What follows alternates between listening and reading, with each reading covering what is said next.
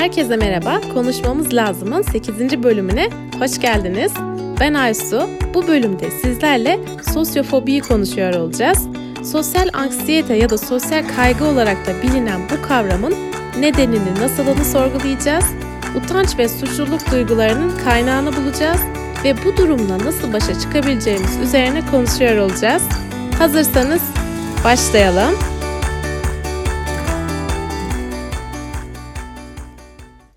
Tekrar merhabalar arkadaşlar. Şimdi ufak bir alıştırmayla başlayalım bu bölüme.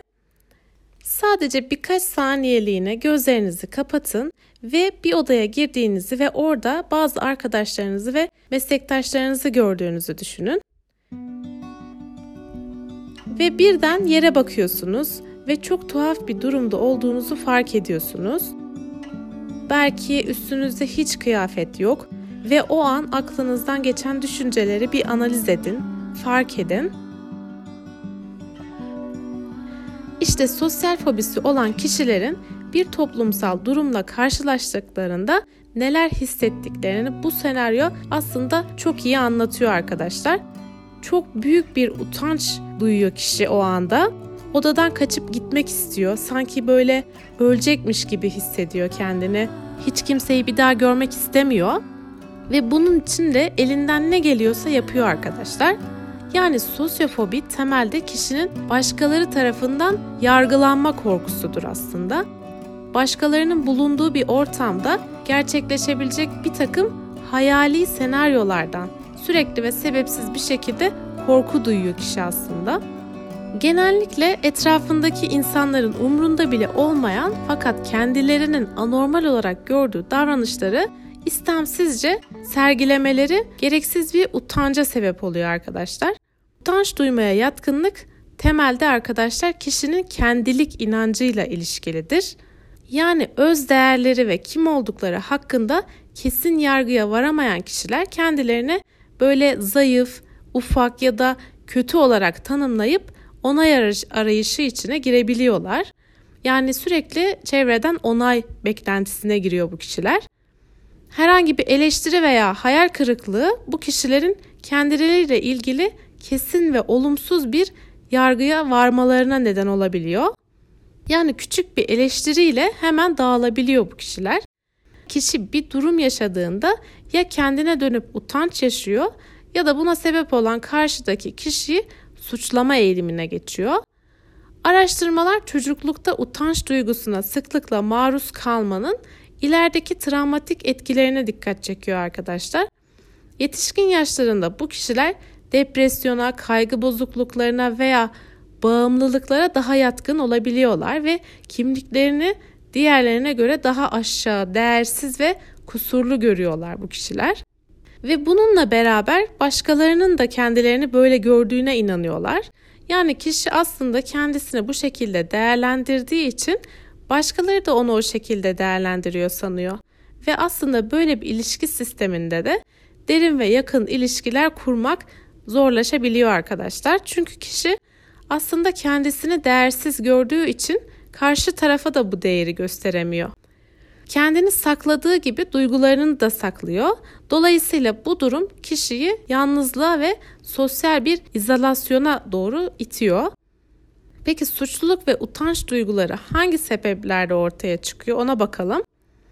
Arkadaşlar bu duygulara yatkın olmanın kültürle doğrudan bir ilişkisi var aslında. Bunu zaten önceki bölümlerde de konuşmuştuk. Bununla birlikte kişinin geçmiş yaşantıları, özellikle çocuklukta utanç duygusuna yakınlığı, çocuğun utandırılması, mesela işte hiç yakışıyor mu sana? Senin gibi bir çocuğa hiç yakıştıramadım gibi söylemler yetişkinlik döneminde de bu duyguyu etkin kılıyor, devam ettiriyor. Ve utanç mekanizması karşı tepki olarak suçlamayı kullanabiliyor bazı durumlarda. Kişi bu duyguyu kendisinden alıp dışarıya yöneltirse bu sefer suçlama yoluna gidiyor. Mesela utanç hissetmeye daha yatkın kişilere bakalım. Bu kişiler arkadaşlar genellikle kusur aramaya ve suçlamaya daha yatkın olabiliyorlar. Sebebini tam olarak bilmeseler de kendilerini böyle kurban veya sömürülen biri olarak görebiliyorlar. Duygu durumlarında tutarsızlıklar olabiliyor. Bu tutarsızlıklar aslında çok dikkat etmemiz gerekiyor arkadaşlar. Mesela gün içinde ne kadar çok ani duygu değişiklikleri yaşanıyorsa o kadar da sağlıksız bir duruma gidiyor demektir. Çünkü bu duyguların ani ve şiddetli olarak değişmesi ve sıklığı burada belirleyici bir etken.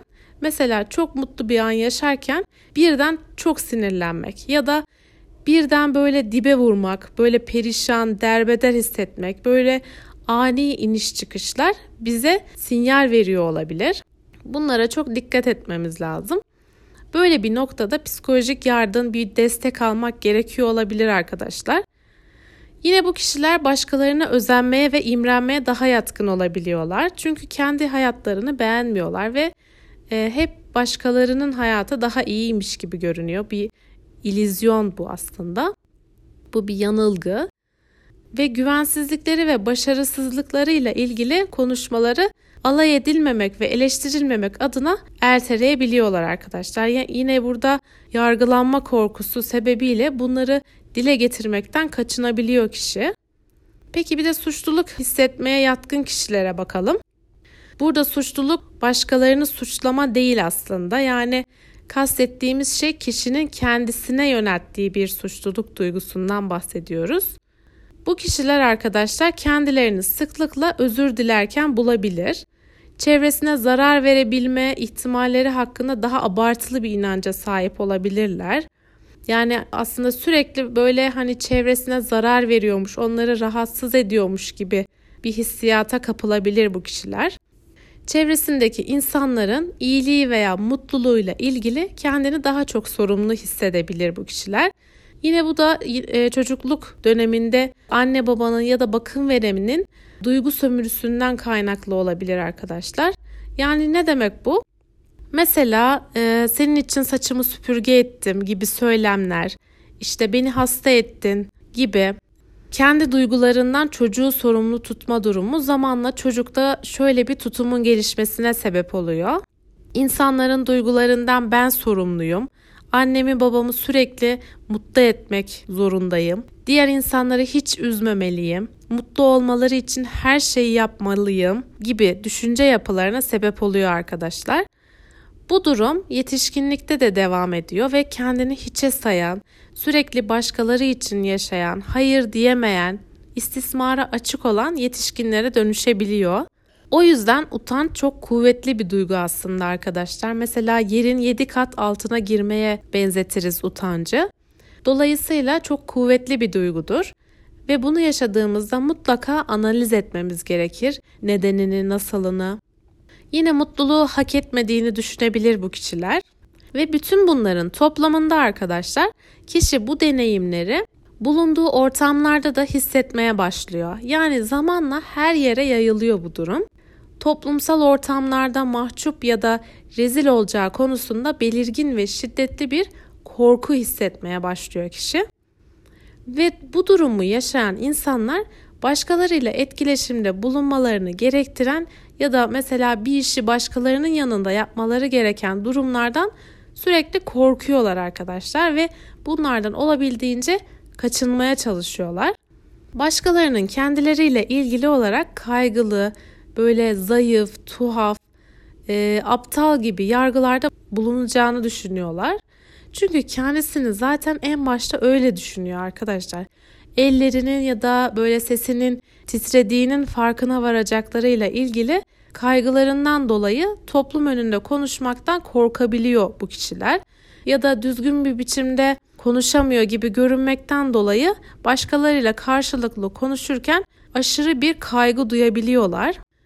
Sosyal fobide her zaman asıl tehdit dışarıdan değil kişinin o an içerisinde, zihninde yer alan düşüncelerinden gelir aslında. Bunu yaşama sevincini yeniden kazanmak bölümünde de konuşmuştuk.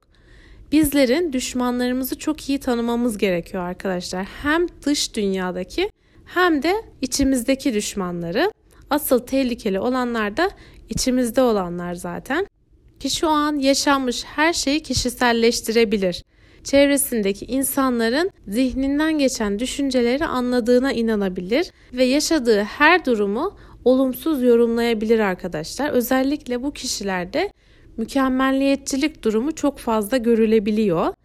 zihninde yarattığı kötü senaryoları yaşamaktan ve rezil olmaktan korktuğu için de her şeyi en iyi şekilde yapmak için aşırı bir çaba gösteriyor kişiler. Depresyon ve alkol bağımlılığından sonra en çok rastlanan durum da sosyal fobi ve toplumumuzda da çok yaygın ve bu ikisiyle de bağlantılı bir durum aslında bu. Yani uzun vadede depresyona sebep olabiliyor sosyal fobi. Ve bu utanç durumundan kaçmak için kişi bağımlılıklara yönelebiliyor. Zaten bütün bağımlılıkların temelinde de kendinden kaçma eğilimi vardır arkadaşlar. Kişi bu durumla başa çıkamayacağını düşündüğünde ve kendine bakınca acı hissettiğinde bu durumdan kaçma eğilimine geçer ve bağımlılık maddesine sığınır genel olarak. Bu bir çeşit yara bandı görevi görür aslında. O yüzden mesela sigara içen birine sigara içme zararlı filan demek çok anlamsızdır. O madde zaten kişinin yara bandıdır. Belki ilacıdır baktığımızda. Onun hayatında büyük bir işlevi vardır. O yüzden bu tip durumlarla başa çıkabilmek istiyorsak önce durumun kaynağına inmemiz gerekiyor. Yani yaşadığımız her problemde de böyle aslında. Birine sigara içme demek yerine o kişi neden sigaraya başvuruyor? Bunu bulmamız lazım. Hangi problemini onunla çözmeye çalışıyor? Bunu bulup oraya müdahale etmemiz çok daha etkili olacaktır arkadaşlar. Bütün bunları konuştuk. Peki neden karşımıza çıkıyor bu durum? Yani sosyal fobinin temel sebebi ne olabilir? Bir kere genetik faktörler, işte genetik bir yatkınlık olabilir. Bununla beraber geçmiş dönemlerde kişinin e, psikolojik şiddete maruz kalması, aşağılanması, reddedilmesi ya da dışlanması bu durumun gelişiminde etkili oluyor arkadaşlar. Yine özgüven eksikliği, değersizlik inançları ki zaten bütün bunlar psikolojik şiddet, aşağılanma, dışlanma hepsi değersizlik inancına sebep oluyor. Yani kişinin kendisine karşı olumsuz yargılarının olması ve kendisine yeterince değer vermemesi sosyal fobinin döngüsüne katkıda bulunuyor arkadaşlar. Bir de sıklıkla karıştırılan bir konu var. Ona da açıklık getirelim yeri gelmişken. O da içe dönüklük ve sosyal fobi arasındaki ayrım. Bu iki kavram bazen karıştırılıyor çünkü. Mesela bazı insanlar içe dönük olmayı sosyal fobi zannedebiliyor ve bundan dolayı ortaya ciddi bir kaygı çıkabiliyor. Ya da bazı sosyal fobisi olan kişiler de içe dönük olduklarını düşünüp yardım almaktan kaçabiliyorlar. Bu da problemlerinin devam etmesine sebep oluyor. İçe dönük olmak temel bir kişilik özelliği, bir mizaç özelliği iken çok değiştirilebilir bir şey değilken sosyal fobi hayat kalitesini ciddi anlamda olumsuz etkileyen ve kişinin istediği zaman doğru yöntemler kullandığı zaman çözebileceği bir problem aslında arkadaşlar. Bu ikisi arasındaki en temel farklardan birisi de içe dönük insanlar aslında yalnız başlarına vakit geçirmekten hoşlanırlar ama bu şöyle bir anlama gelmiyor. Yani sadece yalnız kalmak istiyorlar. Hayır, dışarı çıkmak istedikleri zaman, insanlarla beraber olmak istedikleri zaman bundan korkuyorlar gibi bir şey değil bu. Sadece yalnız oldukları zaman daha keyif alıyorlar. Yani dışarıda sosyalleşirken de keyif alıyorlar. Sadece bunu daha uzun süre yapmaktan sıkılıyorlar ve yoruluyorlar arkadaşlar. Ama eğer bir sosyal fobiye sahipse kişi belki de bir saat için bile dışarı çıkmak onun için ciddi bir kaygı haline geliyor. Bundan dolayı da insanların arasına karışamıyor. Kalabalıkların olduğu ortamlara girmekten özellikle kaçınıyor ve uzak duruyor arkadaşlar. Yine sosyal fobisi olan bir insan önüne ciddi fırsatlar çıksa bile eğer durumun içinde aşılması gereken bir sosyal kaygı durumu varsa yani mesela topluluk önünde konuşmak gerekiyorsa bu fırsatı kaçırmak pahasına da olsa o şeyi yapmıyorlar. Uzak duruyorlar bundan arkadaşlar. Ama içe dönük insan gergin olsa da görevini yerine getiriyor. Ama sosyal fobisi olan insan çok büyük şeyler kazanacak olsa bile bundan kaçıyor, uzak duruyor. Ne pahasına olursa olsun bunu yapmıyor. Mesela diyelim ki bir sosyal anksiyeteniz var. Peki sosyal anksiyete ne yapar tam olarak? Yani bu sistem nasıl çalışır? Bir de ona bakalım. Mesela kalabalık bir ortama gittiniz Kalbiniz böyle deli gibi çarpıyor. Çünkü ortamdaki herkes sizi yargılayacak diye düşünüyorsunuz. Sizin başkaları tarafından yargılanmanız sizi o egemenlik hiyerarşisinde aşağı düşürüyor. Peki bu durumdayken içeride neler oluyor? Arkadaşlar sürekli olarak şu düşünceler geçer o anda kişinin aklından. Acaba işte insanlar benim hakkımda ne düşünüyor? Aptal görünüyor muyum? Komik görünüyor muyum? Çok tuhafım. Burada olmaktan nefret ediyorum gibi sürekli otomatik düşünceler geçer o an aklından. Dikkat ettiyseniz hepsi içselleştirilmiş düşünceler. Yani tamamı içe odaklı aslında. Burada zihnimiz mantıklı düşünmemeye başlıyor. Çünkü dikkat sürekli kendisine odaklı. Peki böyle bir durum yaşarsak bu sorunu nasıl çözebiliriz? Öncelikle arkadaşlar bu durumda dikkati neye odakladığımız çok önemli. Bu dikkat ve konsantrasyonla ilgili ayrı bir bölümde daha detaylı anlatacağım bunu. Ama sosyal fobi noktasında baktığımızda olaya burada dikkatin yönünü kendimizden alıp dışarıya yöneltirsek bu o anda bir çözüm olabilir arkadaşlar. Mesela ortamdaki diğer insanlara bakmak, dikkati onlara odaklamak, kendinize değil de dikkati başkalarına odakladığınız anda ilginizi dışa yöneltmiş oluyorsunuz ve otomatik düşünceler bulutu da zamanla dağılmaya başlıyor. Yani bu sizi böyle yiyip bitiren düşünceler diyelim buna yavaş yavaş uzaklaşıyor. Ama o anda etkili bir yöntem bu. Yani daha kalıcı bir çözüm lazım aslında bize. Peki bunun için ne yapacağız? Bununla ilgili de geçtiğimiz günlerde Sinan Canan'ın bir konuşmasını dinlemiştim arkadaşlar. Orada diyordu ki ben ilk kez bir topluluk önüne çıktığımda o kalabalık karşısında konuşmak kabus gibiydi. Çok korktum dedi. Böyle baya bir panik olmuş. Ki düşünün bu insan sürekli televizyonda, YouTube'da, canlı yayınlarda, eğitimlerde her yerde görüyoruz onu aslında şu an. Ama bu işe ilk başladığında çok tedirginmiş mesela. Sosyal fobisi varmış. Peki bunu nasıl çözmüş? Bu durumu yaşadıktan sonra bunun nedenini merak etmiş arkadaşlar. Araştırmaya başlamış ve şu sonuçları bulmuş. Sistem şöyle çalışıyor aslında arkadaşlar. Zihnimiz nasıl çalışıyor normalde? Bir şeyi planlarken ne yapıyor? Mesela geleceğe yönelik bir takım simülasyonlar yapıyor. Mesela şöyle yapsam şöyle olur, işte böyle yapsam böyle olur gibi. Bu arada geçmişten gelen duygusal deneyimleri de katıyor işin içine arkadaşlar. İşte geçmişte sen şöyle yapmıştın, böyle yapmıştın, böyle olmuştu gibi.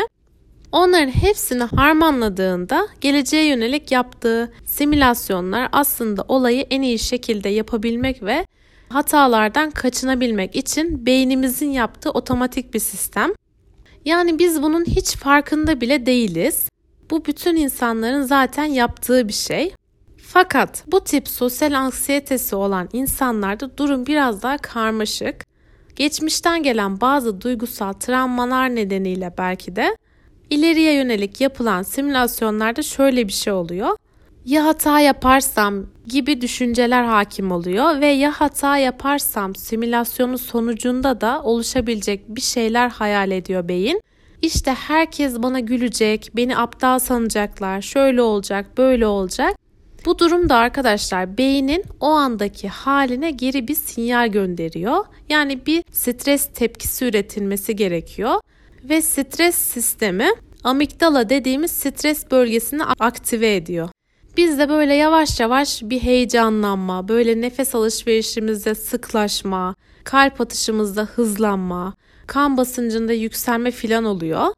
Bu bir süre sonra simülasyonları da etkilemeye başlıyor. Bu arada bu söylediklerim saniyenin kesirleri içinde oluyor. Çok kısa sürelerde.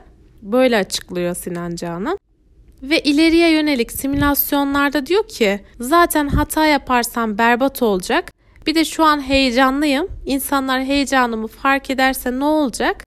Yine bana tecrübesiz muamelesi yapacaklar. Yine beni aptal zannedecekler gibi düşünceler tekrar bir araya geliyor ve yine amigdalayı harekete geçiriyor. Amigdala da bu sefer daha fazla stres tepkisi gönderiyor vücuda. Derken bu bir takım fiziksel tepkiler vermeye başlayınca daha da panikliyoruz. İyice hakimiyetimi kaybediyorum. Dizlerim titremeye başladı. İyice rezil olacağım.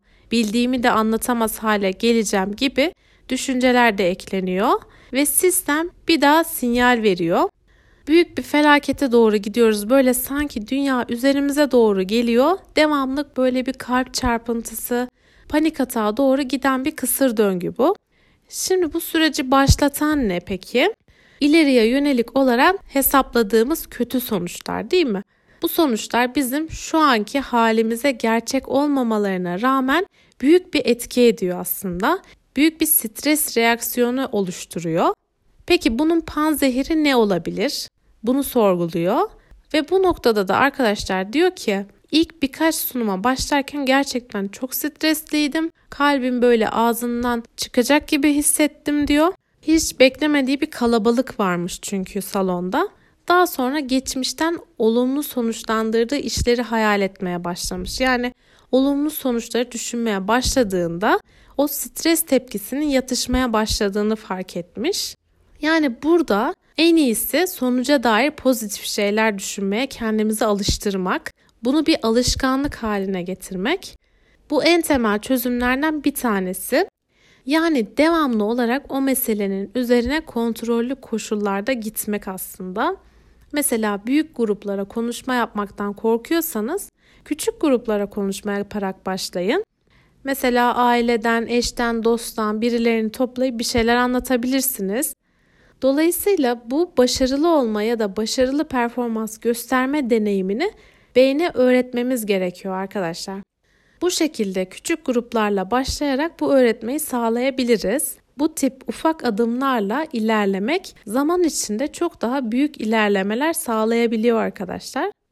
Ve son olarak bölümü bitirmeden Harry Potter'ı okuduysanız Patronus'un ne olduğunu biliyorsunuzdur. Bilmiyorsanız da kısaca anlatayım hemen. Patronus arkadaşlar ruh emicilere karşı kendinizi korumak için yapabileceğiniz en güçlü sihir oluyor. Yapması zor, herkes ha deyince yapamıyor. Yetkinlik ve çok büyük bir konsantrasyon gerektiriyor. Ama işte daha güçlü bir silah da yok başka. Ruh emiciler de insanların mutluluğuyla besleniyor ve en belirgin özellikleri de insanlarda dünyada bir tane, tek bir tane umut parçası ya da gülümseme kalmamış gibi hissettirmek. Ve bu yüzden ruh emicilere karşı bilinen en güçlü sihir de patronusunuzun yani sizin mutlu anlarınızdan oluşuyor. Gerçekten çok mutlu olduğunuz bir anı düşündüğünüzde sanki tekrar oradaymış kadar sahici bir şey hissettiğinizde beliriyor o patronus ve sizi koruyor. Harry'ninki de bir geyikti mesela. Tüm o narin görüntüsüne rağmen çok güçlü bir patronustu ve Harry'i nelerden nelerden koruduğunu görmüştük. Burada patronus yapmak için illaki Hogwarts'ta okumanıza gerek yok tabii ki arkadaşlar. Her zaman ışıklı bir geyik de aramayalım patronus olması için. Belki de arkadaşlarınızdır sizin patronusunuz.